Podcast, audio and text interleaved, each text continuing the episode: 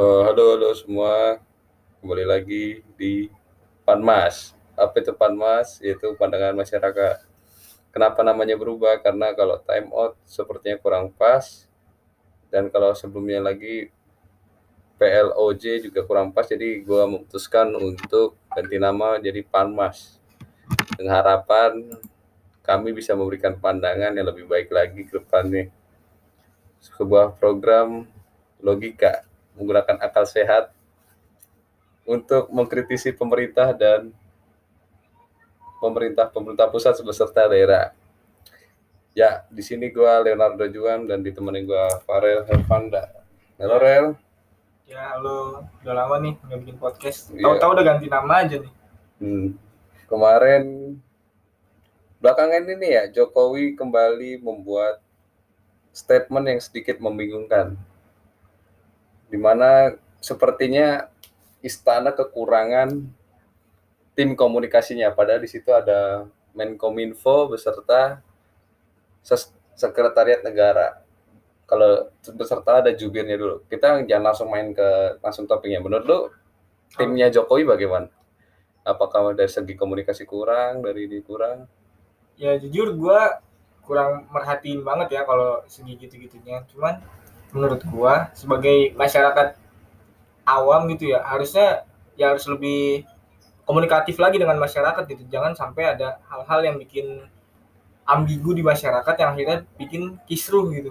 Bikin apa? ya, Bikin opini-opini liar yang akhirnya jadi suatu apa ya, suatu, argumen-argumen yang malah pecah belah gitu ada yang nuduh ah Jokowi mau begini Jokowi mau begini gitu menurut gua sih Tapi kalau menurut gue terkadang gini, eh, sebenarnya bagus apa yang diucapkan Jokowi itu bagus. Cuma terkadang ada juga peran masyarakat yang mungkin suka mempelintir-pelintir perkataannya gitu. Padahal misalnya statement ngucapin A, tapi kadang ditulis lagi di platform media lain tuh seperti ini.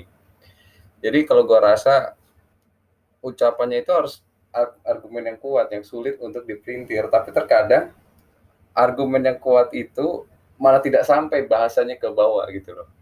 Kayak COVID ini, ayo beredukasi masyarakat bawah tolong edukasi. Emang, iya di sini peran media sih sebenarnya bukan cuma masyarakat gitu. Karena media kan yang namanya media cari duit gitu. Mereka kalau nggak clickbait ya orang nggak penasaran buat buka beritanya. Ya nggak sih? Hmm. makanya kadang ada yang dilebih-lebihkan Jokowi ngomong apa? Ntar di media bilangnya apa gitu dilebih-lebihkan gitu. Jadi karena kebanyakan masyarakat Indonesia itu apa ya membacanya itu kurang jadi kayak cuma lihat judul Judul Wah. adalah kunci. orang baru lihat judul udah heboh wah ini pemerintah gini gini gini padahal belum lihat isinya gimana gimananya kayak gitu Hmm. Memang judul adalah kunci. Kemudian juga eh gua rasa pemerintah ini masih banyak PR yang harus dilakukan ya ke depannya. Tapi yang paling penting adalah dari segi komunikasi dulu terhadap masyarakat. Hmm, benar benar Karena gua rasa kalau komunikasinya hancur, masyarakat pun akan bingung katanya terlalu banyak informasi yang beredar di masyarakat ini. Kadang ada menyampaikan masyarakat ini misalnya, oh vaksin aman, misalnya contoh vaksin aman, oh masyarakat ini bilang, wah vaksin begini gini gini. iya Jadi ada disinformasi di bawah. Kemudian ayo sekarang masuk ke mungkin topik utamanya. Jokowi kemarin bilang mencintai produk lokal, tapi benci benci produk asing. Hmm. Menurut lu gimana? menurut gua sebenarnya statement dia itu nggak salah cuman yang salah itu pemilihan katanya aja Diksi kata. diksi kata benci itu harusnya diganti gitu Hmm. dengan kata yang lain gitu. Kalau statement benci gitu kan kesannya Jokowi memerangi produk asing gitu. Banyak orang yang salah tanggap gitu. Padahal maksudnya eh, harusnya sebagai warga negara Indonesia gitu. Kita harus lebih eh, mensupport produk lokal ketimbang produk asing gitu. Contohnya dalam membeli barang, baju gitu, pakaian. Lebih ya lebih pilih pakai produk lokal aja gitu dibanding beli produk asing maksudnya begitu bukan maksudnya benci itu kita memerangi atau gimana tuh bukan begitu gitu amat gitu Tapi kalau menurut gua emang apa ada yang salah dengan produk UMKM itu? Usah UMKM. UMK Produk lokal. nggak ada yang salah sih menurut gue emang nggak ada yang salah namanya juga orang usaha yang penting halal. apakah dari kualitas kalah dari branding kalah marketing kalah Eh, menurut gue ini branding dan marketing karena kan banyak yang belum tahu gitu kan produk lokal tuh gimana reputasinya gimana jadi orang lebih milih ah gue mending pakai produk luar aja deh udah ter, udah terbukti udah terpercaya gitu udah banyak yang make dibanding pakai produk lokal gitu kan. Ya mungkin itu dari UMKM atau ya produk-produk lokal harus lebih bisa meningkatkan marketing dan branding dia gitu biar orang-orang tuh tahu produk dia gimana kualitasnya reputasinya gimana gitu. Jadi biar orang tuh nggak ragu buat pakai produk lokal gitu. Tapi terkadang kalau gue pikir juga ya kalau melihat ke dalam lagi apa tuh kadang produk-produk kita tuh memang kalah dari segi apa tuh dari segi kadang eh, apa produk di masyarakat mengenalnya juga nggak tahu dan ada peran penting juga yang diambil oleh e-commerce e-commerce besar kayak misalnya Bukalapak, Tokopedia. Memang harga brand lokal kita itu kalau dibilang dari ininya memang lebih mahal dibandingkan dengan contohnya dari Cina gitu loh. Dari tak dari pajak juga ini kenapa shipment apa pengiriman kita kalah oleh negara lain. Kenapa kok negara lain kadang pengirimannya gratis kita bayar? oh iya, Nah. iya benar. Mungkin itu juga yang membuat kita kalah saing juga terhadap masyarakat sekitar eh terhadap masyarakat asing juga. Tapi kalau dibilang apakah kita harus membenci produk asing? Enggak. Tapi selektif. selektif lagi-lagi selektif Nah, memasuki era sekarang juga sedang digenjot yaitu ekonomi kreatif. Ekonomi. Apa itu ekonomi kreatif?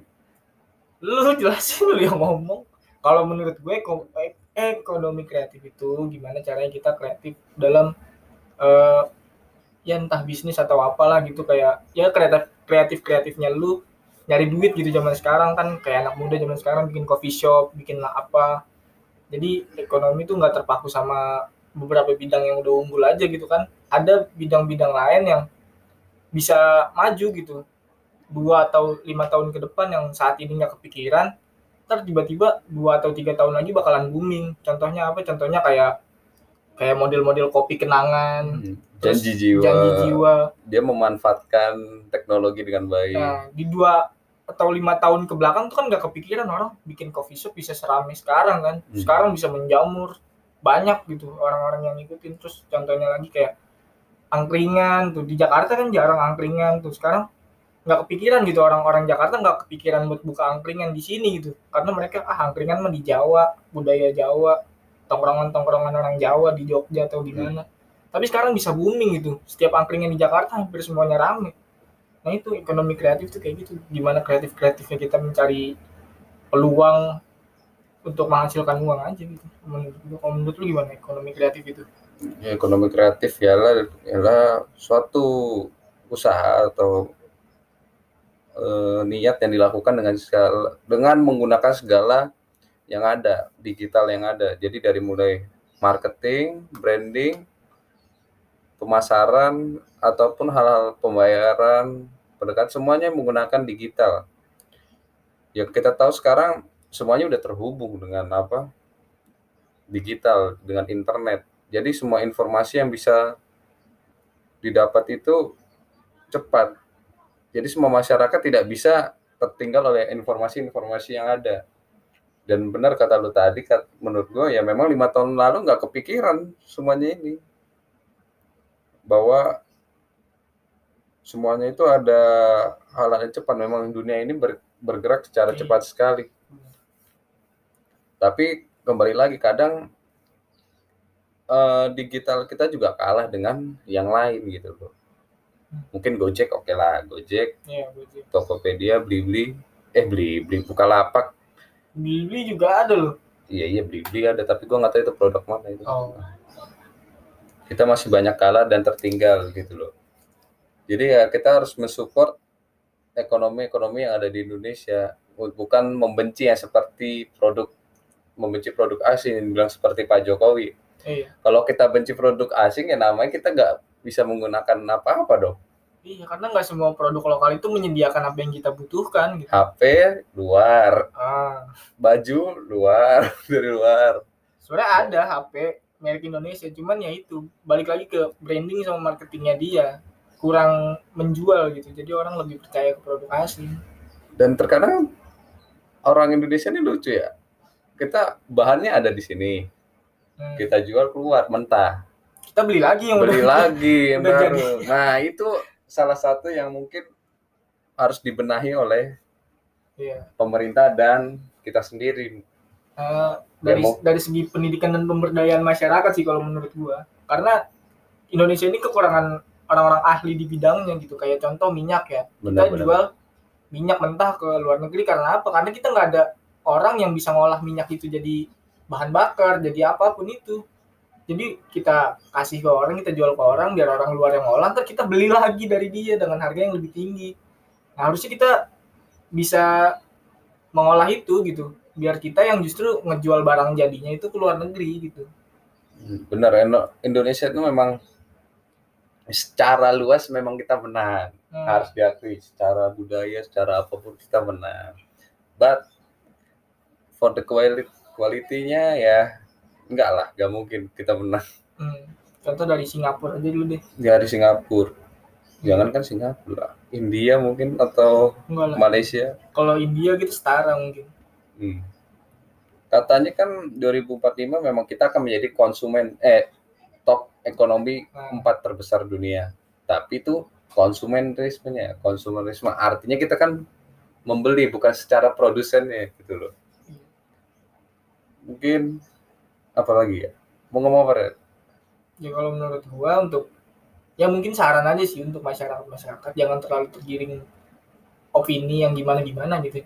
Kita jangan menyerap berita itu mentah-mentah. Jangan lihat dari judulnya gitu. Baca dulu isinya maksudnya apa baru karena ya kita cintai produk lokal bukan berarti kita membenci atau memerangi produk luar gitu. Karena biar gimana pun kita masih butuh produk luar gitu. Banyak aspek-aspek kehidupan kita yang terbantu sama produk-produk dari luar entah kayak kayak handphone kayak ya kereta. Kereta kan kita dari luar nggak sih. Ada dalam dalam Iya, dari ada. dalam ada. Ada yang dari dalam ada yang dari luar teknologi teknologi lain lah pokoknya. Soalnya apa negara kita tuh belum bisa mengolah semuanya secara bagus ada ada sih beberapa aspek beberapa segi produksi yang bagus gitu. Kayak contoh sekarang kan lagi booming nih kayak baju lokal sepatu lokal gitu kan lagi hype banget nih. Kompas kompas. Nah. brodo brodo ya kayak gitu lagi hype banget. Nah itu yang kita dukung gitu. Daripada beli converse beli apa mending cobain deh produk lokal. Nggak nggak kalah bagus kok. Kecuali kalau emang yang udah jelas-jelas lebih bagus produk luar baru nggak apa-apa deh kita pilih produk luar jangan benar-benar memerangi gitu Hmm. selektif sih benar kata lu selektif balik lagi Jadi yang bisa gue simpulkan kali ini adalah bahwa Indonesia ini masih kekurangan banyak sekali pengusaha-pengusaha lokal. benar Indonesia masih terlalu banyak pekerja dibandingkan pengusaha. Padahal batas minimal negara itu harusnya minimalnya punya 5% enterprise. pengusaha. Pengusaha dalam suatu negara.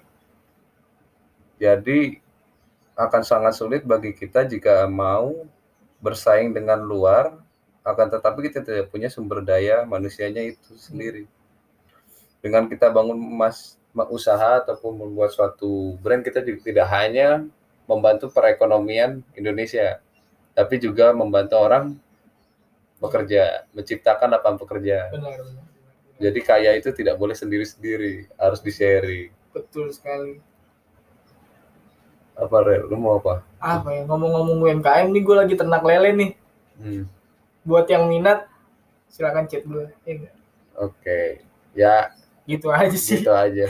dadakan banget sih lu bikin podcast Gue juga, kita udah lama nggak buat dah, dari 2020. Iya, Kemarin gue juga buat monolog sendiri. Hampir setahun kita nggak bikin podcast bareng ya Mhm. Jadi mungkin kaku banget segini aja. Sekian. Terima kasih. Adios.